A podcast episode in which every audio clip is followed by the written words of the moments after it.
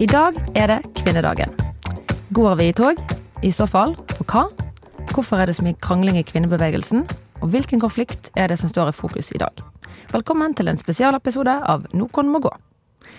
Vi har med oss politisk redaktør Eirin Eikfjord.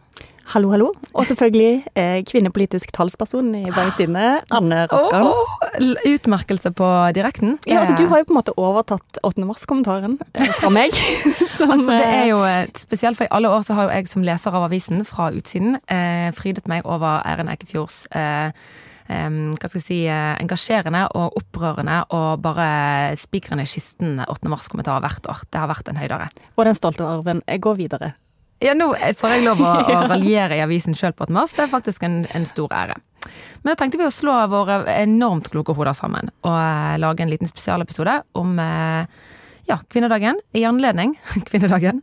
Eh, og vi tenkte kanskje bare begynne med å redegjøre, eller liksom kartlegge litt hva vårt forhold til 8. mars egentlig er. Hva er det for deg, Eirin? Ja, altså Jeg blir alltid litt sånn bekymra på 8. mars, for at tog er virkelig ikke min aksjonsform. Altså Jeg blir sånn, litt sånn ille til mote av tog. Ja. Til, Alle tog? Ja, i hvert fall der du skal skrike og rope og være litt sånn utagerende, da. Ja. og det opplever jeg jo kanskje hensikten med 8. mars. Um, jeg, Pride, har du hørt om? det? ja, men Jeg syns det er kjempefint at det skjer. Jeg bare vil ikke opptre der, liksom. Nei, ja. nei jeg skjønner. Men det er veldig bra. Og jeg, jeg husker Sist gang jeg liksom tenkte at jeg må gå i det toget, det var jo i den store reservasjonsrettsdebatten. Ja. 2014. Mm. Da opplevde jeg liksom at åh, nå er det viktig her, nå mobiliserer kvinnedagen mm. på ordentlig. Og da kjenner du jo på en veldig sånn sterkt fellesskap at oi, dette her, her må vi virkelig trå til å markere. Ja. Og det er jo kjempefint at toget har den funksjonen. Mm. Og jeg tror, altså jeg husker jo det veldig godt sjøl. Jeg lurer faktisk på om det var første året jeg gikk også.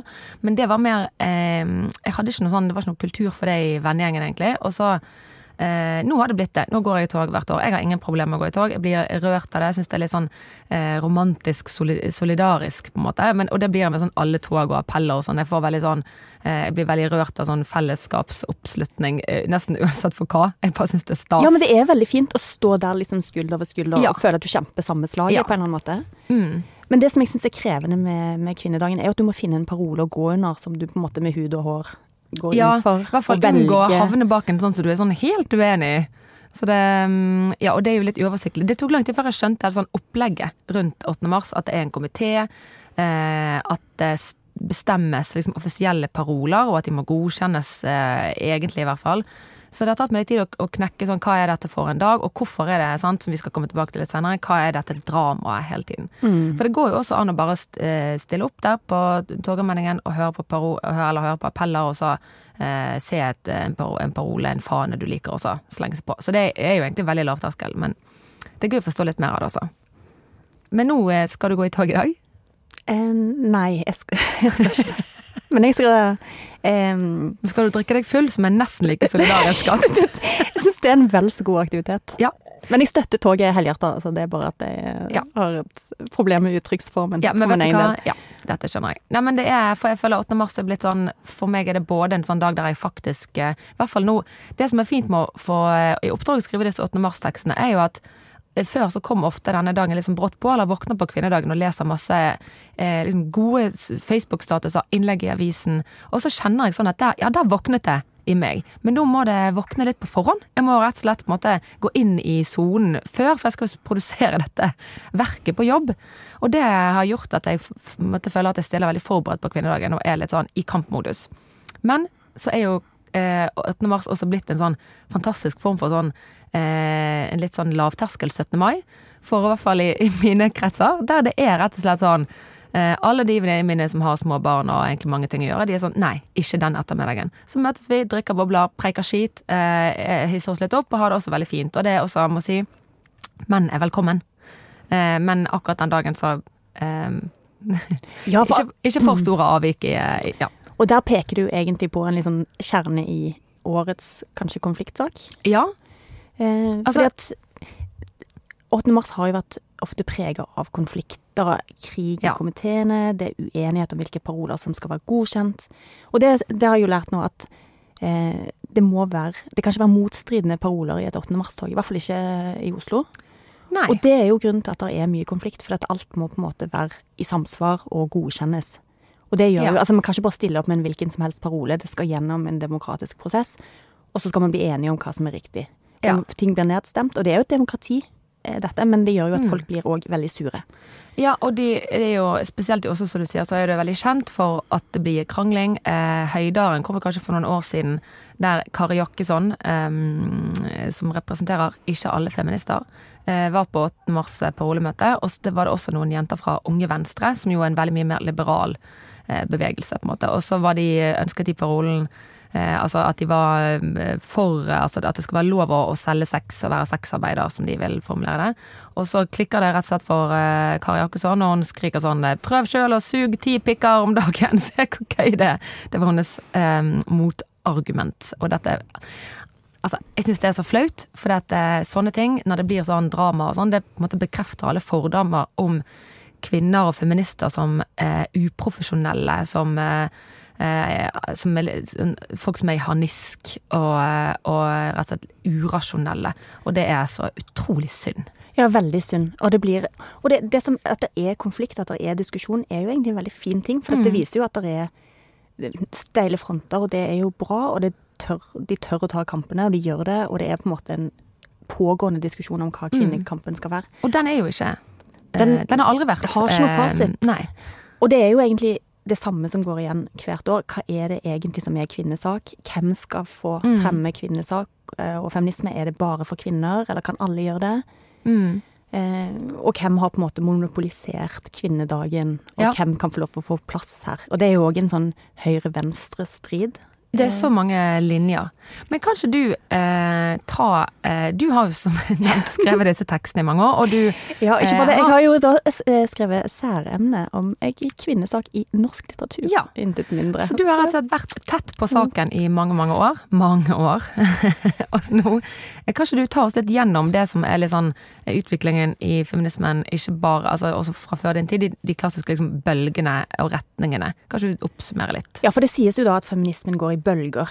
Um, og det hadde jo på en måte vært litt bedre hvis det gikk framover, det er jo en annen sak. Men uh, ja. Og så snakker man om første, andre, tredje og fjerde bølge, i litt sånn Mhm. uh, teoretisk, da. Um, og den første handler om rent formelle rettigheter, uh, kampen for stemmerett. Altså alt det grunnleggende du egentlig må ha for å være et likestilt individ. Og det var jo sånn 1700-1800-tallet. Ja, Eh, altså når det bare var eh, kampen for å få en formell eksistens. Ja, egentlig. Og, og det gjør jo at jeg egentlig tenker på det kanskje som en behovspyramide. At du må ha et slags fundament eh, som er helt sånn juridisk grunnleggende aksept for at kvinner skal ha en lik rolle i samfunnet.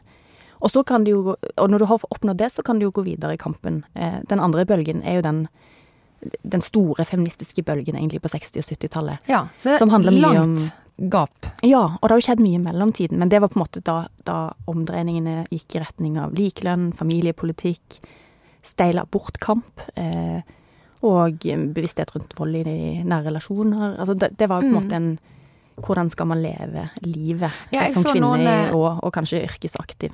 Ja, jeg så noen oppsummerte det som at den andre bølgen er liksom det med at det personlige ble politisk. At det som foregår i hjemmet, det ble nå politikk. Eh, og ikke minst det som foregår i kroppen, blir også politikk på et punkt. Mm, og hvis du ikke har mulighet Altså hvis du ikke styrer din egen reproduksjon, hvis du ikke har eh, god nok lønn for arbeidet ditt, så er du ikke frigjort. Nei. Eh, Så dette var jo en veldig viktig del av kvinnekampen, og den som liksom har virkelig satt seg i historien. Og så har du en tredje bølge, og den står for meg litt mer sånn diffus. Det var rundt årtusenskiftet. Og da begynte man å åpne feministdebatten for mer stemmer. sant? Eh, Frem til det så ble jo feminismen kanskje kritisert for å være en sånn middelklasse fra Vesten, heteroprosjekt.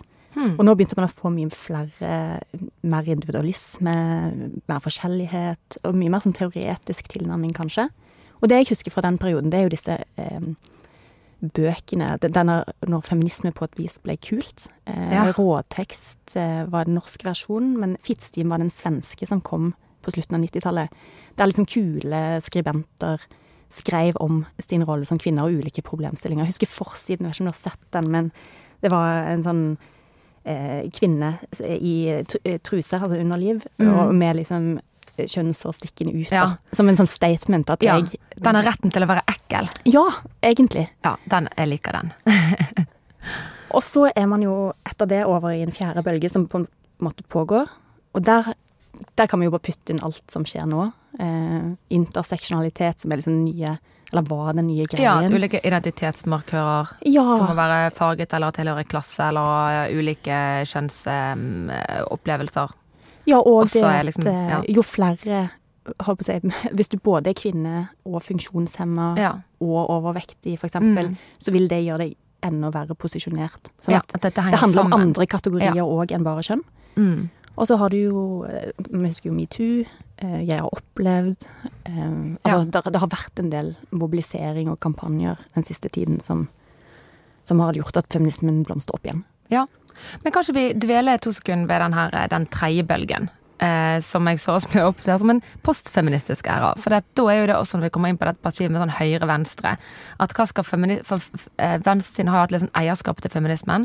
Gjerne fordi at det har vært for mange fra et liksom mer arbeiderklasseperspektiv. Eh, mens eh, på et punkt så kommer det en litt sånn blå feminisme, sånn blåstrømpefeminisme, som også handlet om sånn retten til å velge sjøl, og f.eks. retten til å velge å være hjemme. Retten til å ja, ta de mindre tradisjonelle feministiske valgene, men samtidig få være feminist og bli, liksom, kreve å bli tatt på alvor som det, da, at du ikke er en dårligere feminist enn du velger annerledes. Hvor, hvor er du? ja. Hvilken feminist er du? Ja, altså først og fremst, Det med blå feminisme det er jo ikke egentlig nytt. Sant? Den første feminismen vokste jo fram fra at borgerskapet sine kvinner kjempa fram stemmerett, eiendomsrett, Mm. på 1800-tallet. Så den borgerlige feminismen er jo ikke noe som ble funnet opp eh, liksom på, i moderne tid. da.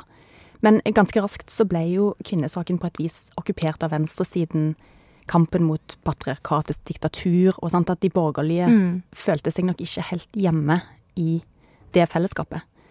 Og så har det jo blomstra opp en slags blå feminisme i seinere tid. Det var jo eh, Julie Bortkorp som var kvinnepolitisk talsmann I i Høyre? Kvinnepolitisk talskvinne, sikkert. Ja. Eh, Eller person i dag, det vet jeg ikke. Hun skrev en bok som heter 'Bare en kvinne' i 2012. Ja. Der hun på en måte prøvde å definere den blå feminismen, da. Ja, hva var den på det punktet? Altså, Hvis en skal oppsummere det, så er det jo sånn eh, Så lenge det er du som har valget, så er valget fritt, og da er det riktig. Altså Ja. Veldig mye Mm. fokus på valgfrihet, og at alle skal få leve sine liv sånn som de vil, egentlig. Hvis du skal liksom kutte ned essensen i dette. Um, så jeg er jo litt usikker på om det egentlig er, var en sånn feministisk oppskrift, eller om det bare var litt sånn eh, ja, et, eh, en slags selvhjelpsbok for folk som både vil ha lederstilling og Ja, tid til å gå til frisøren, liksom. Ja, for det er jo det jeg kjenner med den eh, Altså, jeg er jo helt ja, nei, jeg kjenner at det er, det er noe usolidarisk ved å, å, kjempe, eller å bruke på en måte 8. mars eller feminisme som retten til å, å ikke ivareta egne rettigheter, nærmest. For, for det å ha en jobb eller det å ha, være økonomisk selvstendig er så grunnleggende i å være fri. Eh, at jeg kjenner at jeg blir i hvert fall bare sånn sliten av at det skal være en kampsak innenfor liksom feminismen. Um, da tenker jeg den kan heller være mer på å eh, mm, Jeg ledet en debatt i går om eh, eh, topp, kvinner og toppledere, eller hvorfor ikke For det er jo veldig mange færre kvinnelige toppledere, både i styreverv og som administrerende direktører og på børs og under også. Og hvorfor ikke det? Og da var det en del av de i panelet som var veldig sånn eh, for det første må, altså det viktigste er at kvinner må ville sjøl og gidde, liksom, og, eh, og sånn. Og så det at det, det går an å på en måte slippe det der presset om at altså det er helt lov å levere barna i barnehagen når de er ti år. Nei, ja, da er det på tide. Slipper de løs. ti måneder. Eh, eller når det måtte være. sant, altså det, denne skam, altså denne, For det er kvinner så et sånn utrolig krysspress om alle de på en måte feminine verdiene som skal hekte ved seg. Vi skal være omsorgspersoner, vi skal være på en måte vise ansvar for barnets første år og alle disse tingene. Og så er det noen som sier sånn, men, men hva med meg, da? Jeg har lyst til å gå på jobb, og jo lenger du har permisjon, jo mer henger du etter dine mannlige kolleger. Sånn er det bare. Eh, men så blir jeg litt sånn Ja, men um, hvis du ikke vil være med Hvis du ikke har lyst til å bli toppleder, da, og det må jo faen meg være greit eh, Fins det ikke en mellomting mellom å eh, være det og å heller ikke på en måte ta, ta tre års permisjon? Eh, og er ikke kampen også vel så mye å tilpasse litt sånn systemet For jeg tenker av og til det der eh, arbeidslivet, og det har vært det har jo du skrevet om også med sånn advokatfirma og partnerskap og sånn. For arbeidslivet er ofte tilpasset en mann med hjemmeværende kone for at det skal være komfortabelt. Eh, og det er litt rart. Det er kanskje heller der problemet ligger, enn at man bare kan Man må velge en og så gå all in på sånn hjemme- eller bortefronten. Det må jo gå an å Ja. Og nå er du inne på et kjempeviktig feministisk stikkord, nemlig strukturene. Ja. Sånn, alt som er rundt, som styrer våre liv. Ja. Og det er jo kanskje der den store, eller den skisma mellom høyre- og venstresiden går, at venstresiden er veldig opptatt av strukturene, alt det som må tilrettelegge for Mm. oss, mens høyresiden har en, en eh, dragning mot frihet. Alt handler om valgfrihet. Ja. Vil du bli leder, så Ja. blir du leder. Mens det er sånn, nei, fordi at Ja. du må ha riktig mann, du må ha riktige forutsetninger, du må ha barnehageplass, du må ha lønn. Altså, Mm. alt som må være i orden for at vi kan bli Ja. likestilt. Ja, og noen ganger så merker jeg hvis jeg diskuterer med venner av meg som er, ligger godt ute på høyresiden i forhold til meg, så eh, så ja, som ikke ligger på høyresiden i det hele tatt, ikke for å innbille dere noe annet. Men, eh, men eh, at det å Det fins Det er den det, Når jeg insisterer på at det finnes strukturer, så er det akkurat som det gjør meg til en radikal feminist. Men det gjør jo ikke det. Det er jo et premiss, spør meg, for å være feminist. Hvis du mener at det ikke er strukturene som preger oss, og noen ganger holder kvinner tilbake, så trenger ikke du å være feminist. Da trenger du å være en god venninne. Hvis det er bare sånn at hvis vi kan heie hverandre frem og psyke hverandre litt opp, og tørre å si ja, eh, så er alle problemer løst. Da har vi 50% toppleder. Ja, det er ikke feminisme du ser etter da, i mine øyne, da, men her vil sikkert noen andre være uenig. Men jeg trenger ikke heiagjeng. Jeg trenger liksom hva skal jeg si, eh, en omsorgs- eller en velferdsstat som, og et, en, ja, en sjef, for eksempel, sant, som har forståelse og sånne ting, og som, som kommer fra sånn systematisk kvinnekamp, i mine øyne. Jeg synes det er veldig interessant, for det, det som har prega litt sånn kvinneretorikk de siste årene, føler det er litt den der ja, men kvinner skal heie på kvinner fordi Ja. de er kvinner. Bare sånn ah, Ja. kom igjen. Ja. Det blir for enkelt. Ja. Fordi at og Derfor syns jeg det er litt kult med, med 8. mars, da, at det faktisk er litt krig og konflikt Ja. blant kvinner. Mm. At det er litt sånn Nei, vi altså, står på våre egne barrikader og kjemper for det vi tror på. Ja, altså, og, og, jeg, ja. Ja. Eller hvis, hvis 8. mars-møtene skal være sånn eh, kvinner som står og liksom stryker hverandre på ryggen Noe jeg kom på noe at vi kan kalle for en sånn strykesirkel, i motsetning til en runkering. eh, men som er litt det samme, sant. At det blir en sånn nikke hverandre etter eh, munnen. Så ehm, det er jo ekstremt misforstått omsorg. Er det noe som skaper liksom en Altså, du vil jo bryne deg på noen andre intelligente mennesker hvis de også er kvinner, så eh, jeg tar for gitt at eh, kvinner rundt meg er like intelligente som menn, og jeg blir jo lei meg hvis jeg ikke skal få konstruktiv kritikk fra de. Eh, så jeg er helt enig i at denne brytningen er veldig selvutviklende, og den trenger vi. Vi kan ikke sitte og være sånn ok, menn er ikke bra, og vi er kjempeflinke, og da går vi og drikker bobler, liksom. Det holder liksom ikke. Må ha noe mer enn bobler. Må ha noe mer enn bobler. Mm, men men, du kan eh, drikke bobler. Det er lov å drikke bobler selv om du er radikalfeminist, altså. Det vil jeg argumentere for. Men du, Anne, har jo skrevet en veldig god tekst i dag, eh, der du blant annet skriver at feminisme er gratrotarbeidet i kvinners kamp for selve tilværelsen. Ja. Ganske eksistensielt, egentlig. Ja. Fortell litt om den eh, Eh, tilnærmingen ja, din. altså den, for meg var det en oppvåkning å lese det Eller det var en veldig klargjørende når jeg for en hel haug med år siden nå leste et essay som het The Longest War. Eller Den lengste krigen av Rebecca Solnit, som er en amerikansk eh, forfatter, ganske kjent feminist.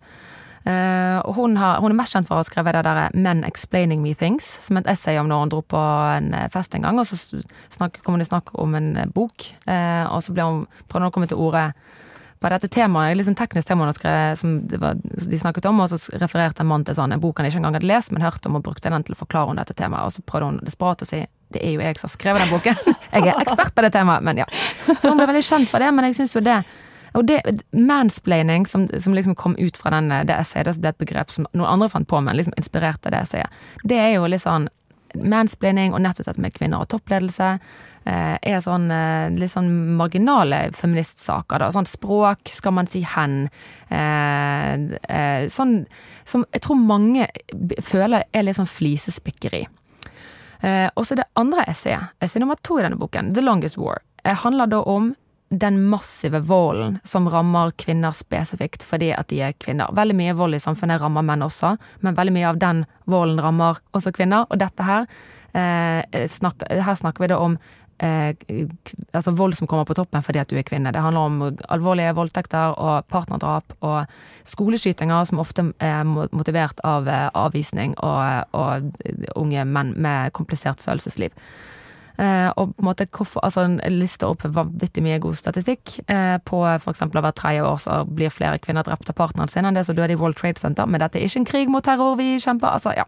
Så den setter det veldig i perspektiv. Det er jo i bunn og grunn altså eh, det er et ordtak som sier sånn det en mann er mest redd for, er at en kvinne skal le av han, og det en kvinne er mest redd for, er at en mann skal drepe henne. Og det er faen meg litt sant, og de henger til og med litt sammen. Eh, og det å kampen for å få være Kampen for å få gå i fred på gaten, kampen for å få kle seg det man vil, kampen for å ikke være redd for å være i offentlige rom, eller ikke minst i private rom med andre menn. Eh, eh, og kampen for å tørre å gå fra en ektemann du har lyst til å gå fra, eller en kjæreste, eller, eller avvise en som har lyst til å ha en relasjon til deg, det er for meg den liksom aller dypeste, mest sånn grunnleggende formen for frihet. Og for meg så er jo feminisme en, en kamp for å få være fri. Fri fra ting, og fri å ha frihet til andre ting. Så dette satte det helt som vanvittig perspektiv for meg, å lese først det om mensplaining, og så dette her om vold og drap, og egentlig hvor Um, ja, hvor utsatt kvinner kan være. Uh, at det eneste som er farligere enn å være sammen med en voldelig mann, er å forlate han. Uh, og dette skrev jeg litt om i dag.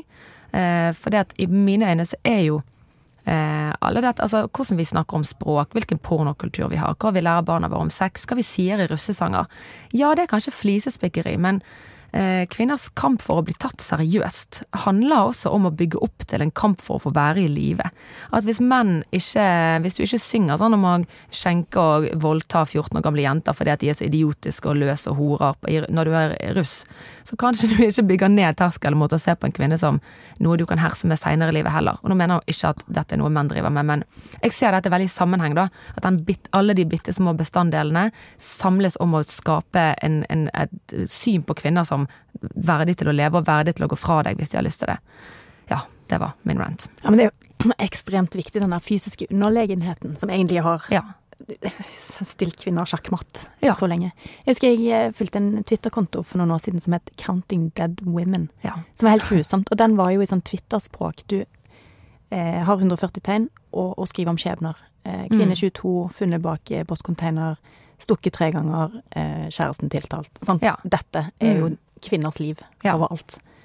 Så kjempeviktig. Ja, og dette er jo eh, jeg, jeg, Etter du snakket om det en dagen, så gikk jeg inn på han, eller det var vel i går, det har bare vært så mye feminisme i monitor, at, og det er jo herlig. men jeg gikk inn på han og så det, jeg har ikke vært obs på den før. Og det begynte jo for mange år siden når hun prøvde å telle, det var en dame som begynte å telle hvor mange drap som hadde vært de første tre dagene i 2012 i England. Og så var det sånn sexy hennes nærby. Bare de tre første dagene som var drept av sine kjærester. Av ulike sjalusiårsaker. Uh, og da blir hun så sjøl, så fortsetter hun å telle, og så blir jo tallene helt overveldende til slutt. Og det er nettopp det at det, altså det er det som er den lengste krigen, da. Uh, og jeg syns det er Og det er jo, ja. Uh, dette gjør, hvis du løfter blikket enda mer, så FN prøver seg på sånne tellinger. Kommer til Det var vel 870 000 kvinner drept bare i 2017. Og da rensker Altså, det er sånn kvinner de antar er drept av årsaker som baserer seg direkte på at de er kvinner. Eh, så det er på en måte en ekstra risiko i forhold til alle andre måter man kan dø på eh, her i livet. Eh, og det er ikke død, det, er drap. Og nå holder EU på med en ny rapport som ventet i 2023, og den kommer jo da på en måte akkurat ti år etter dette essayet ble skrevet i 2013. og jeg den, ja, dette er den lengste krigen, dette er den viktigste krigen. Krigen, altså retten til å være fri nok til å få leve. Mm. Ja, for det kan jo være, det, altså det, sånn som du sier, det er livsfarlig å være kvinne. Og det handler jo om å, å ha en kvinnekropp er ekstremt sårbart. Ja. Sånn, du blir krigsvåpen, eh, hatobjekt, millionindustri. Ja. Altså uansett hvordan man ser på den kvinnekroppen, så er ja. det eh, ja, mm. mye Men, og det er eh, nok mange som vil påpeke også at det eh, blir ut Altså, eh, menn har større sannsynlighet for å bli drept, rett, rett eh, sånn rent statistisk sett. Fordi at det flere eh, menn som blir drept, de blir også drept av menn. Men det som er det, at hvis du begynner å justere for litt sånn Veldig mange menn blir drept i rusmiljøer og i voldelige miljøer og i enkelte litt mer sånn sosialt betingede miljøer, ikke pga. kjønnet sitt. Og hvis du hadde hatt flere kvinner i de miljøene, så må jeg anta at de hadde også blitt drept av de samme litt sånn sosiale årsakene. Eh, så denne her eh, risiko for å bli drept. Så, altså det å eh, være i et forhold er ikke ja, en spesielt utsatt situasjon, kan... egentlig. Men for, kan være, for, en kvinne kan det være det. Ja, virkelig. Og, og forskjellen kanskje er sånn at menn kan oppsøke farlige situasjoner pga. rus eller eh, krig eller sånt, Men, ja. mens kvinner trenger ikke oppsøke vold for å bli utsatt for det. Den, er ofte, den foregår ofte hjemme. Mm. Og det som mener på en måte ikke noe på ingen måte å neglisjere at, at menn er veldig voldsrammede og veldig voldsutsatte. Men det er, ligger en forskjell i den kjønnsdimensjonen. At de er ikke voldsutsatt fordi at de er menn, de er voldsutsatt i enkelte voldsutsatte situasjoner. Og det er mm, De tankene kan man fint ha i hodet på samme tid, og eh, poengtere da at her, her, kommer på en måte kvinnekamp eh, veldig inn i bildet. Mm. Og nå som vi faktisk eh, har krig i Europa, så er det jo ganske relevant dette med altså, voldtekt som, som krigsverktøy. Ja. Ja. Og det er jo helt jævlige eksempler med sånn taktiske massevoldtekter Mm. for å befrukte kvinner, sant? sånn som de drev med i Rwanda, krigene på Balkan. Ja. Altså, du lager overgrepsleirer for at serbiske menn skulle befrukte kroatiske og muslimske kvinner. Ja. IS-krigere selger jomfruer og Mm. sørger for at de får an... Altså, det er bare så jævlig.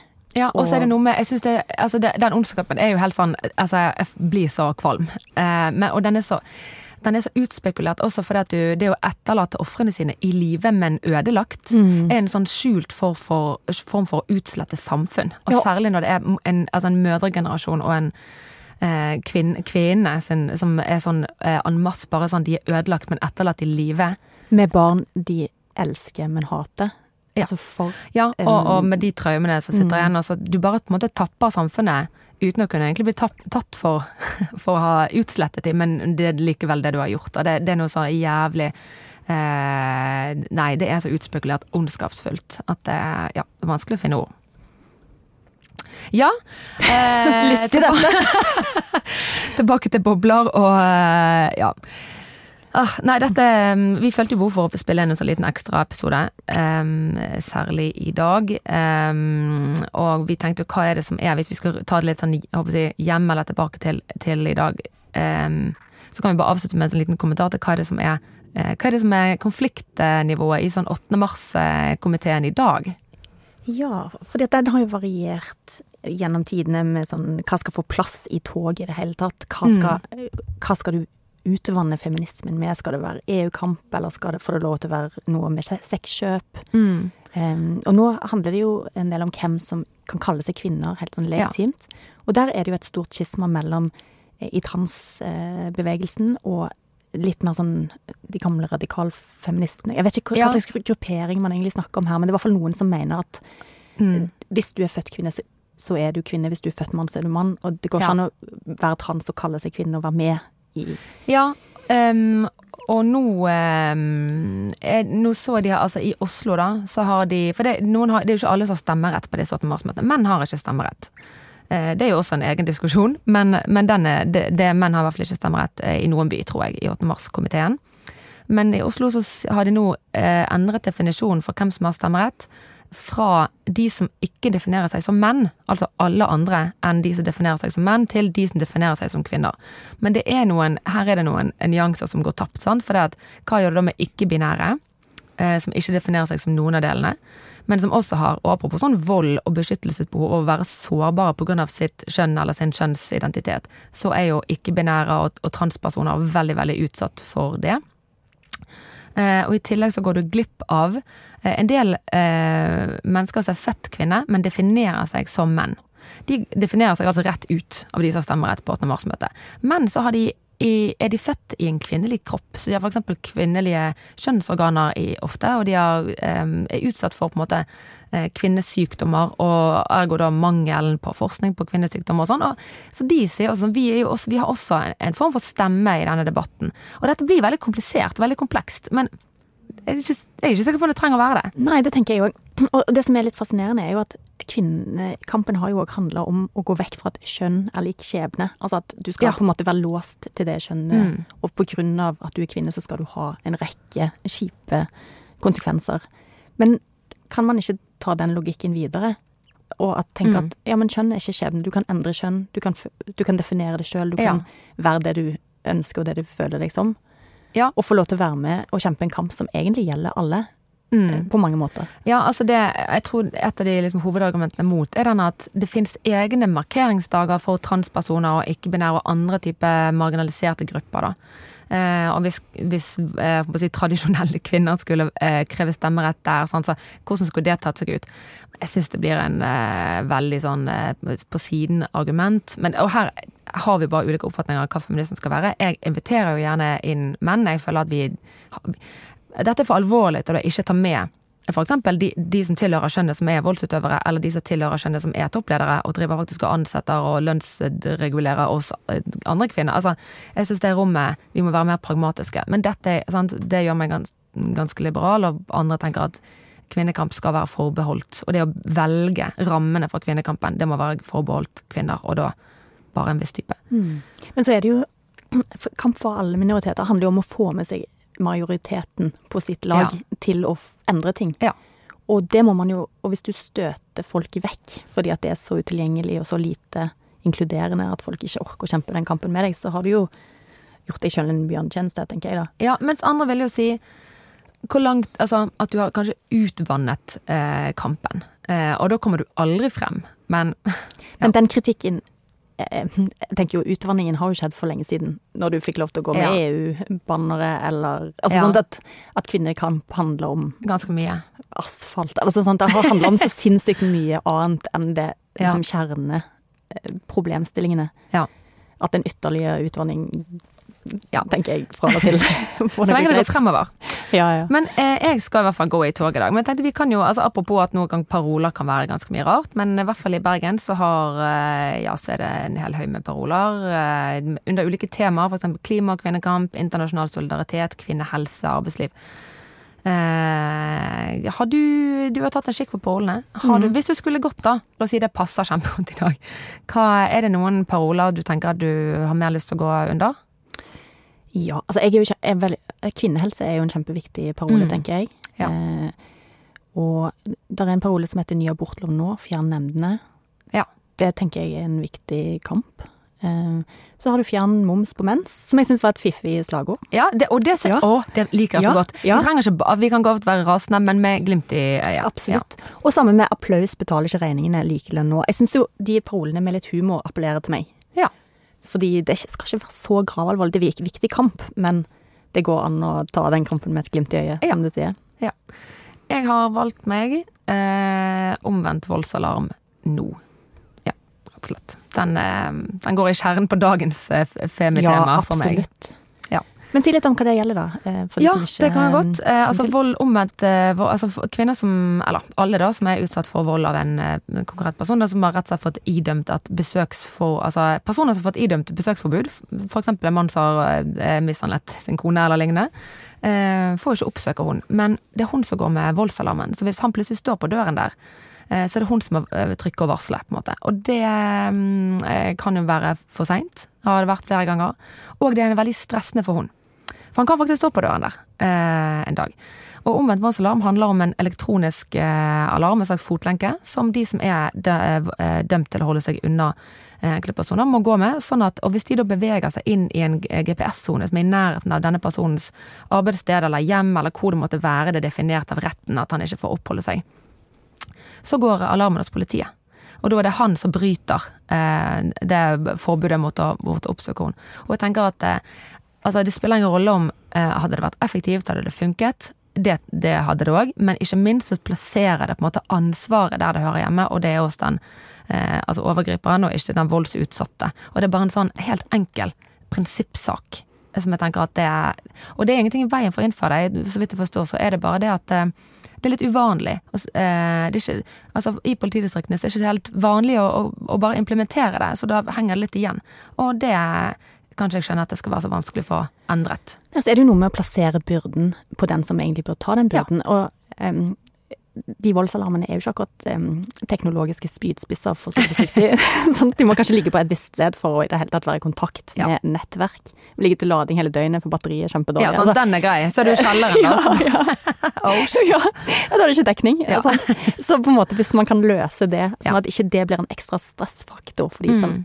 Har så mye stress i livet at de er nødt til å gå med voldsalarm, så tror jeg det kunne vært Mm. skikkelig bra. Nei, så eh, da eh, ligger alt til rette for en eh, herlig kvinnedag, uansett hvordan man velger Ja. å feire. Skal vi rett og slett Ja, jeg tenkte jeg skulle avslutte med et litt sitat fra Marta Breen, som er kanskje den liksom Ja. store feministforfatteren. dagens riksfeminist. riksfeministen i Norge. Hun skrev jo råtekst, som jeg Ja, leste på 90-tallet. Eller hun skrev en av de der, og hun skrev rett og slett 'Jeg er feminist fordi jeg er smart'.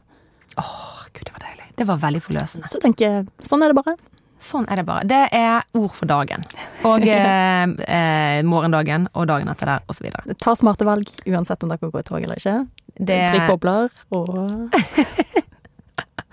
Ja, nei, men eh, la oss eh, gi oss der. Um, dette var altså en spesialepisode av Noe må gå. Vi er tilbake på torsdag med en vanlig episode. Eh, innspill og tilbakemeldinger det kan dere sende til nmg, krøllalfa, beta.no. I dag var programlederne Eirin Eikefjord og Anne Rokkan. Produsent Anna Offstad. Vignettmusikk er Bjørn Torske med Bergenserne. Og illustrasjon Tore Torp.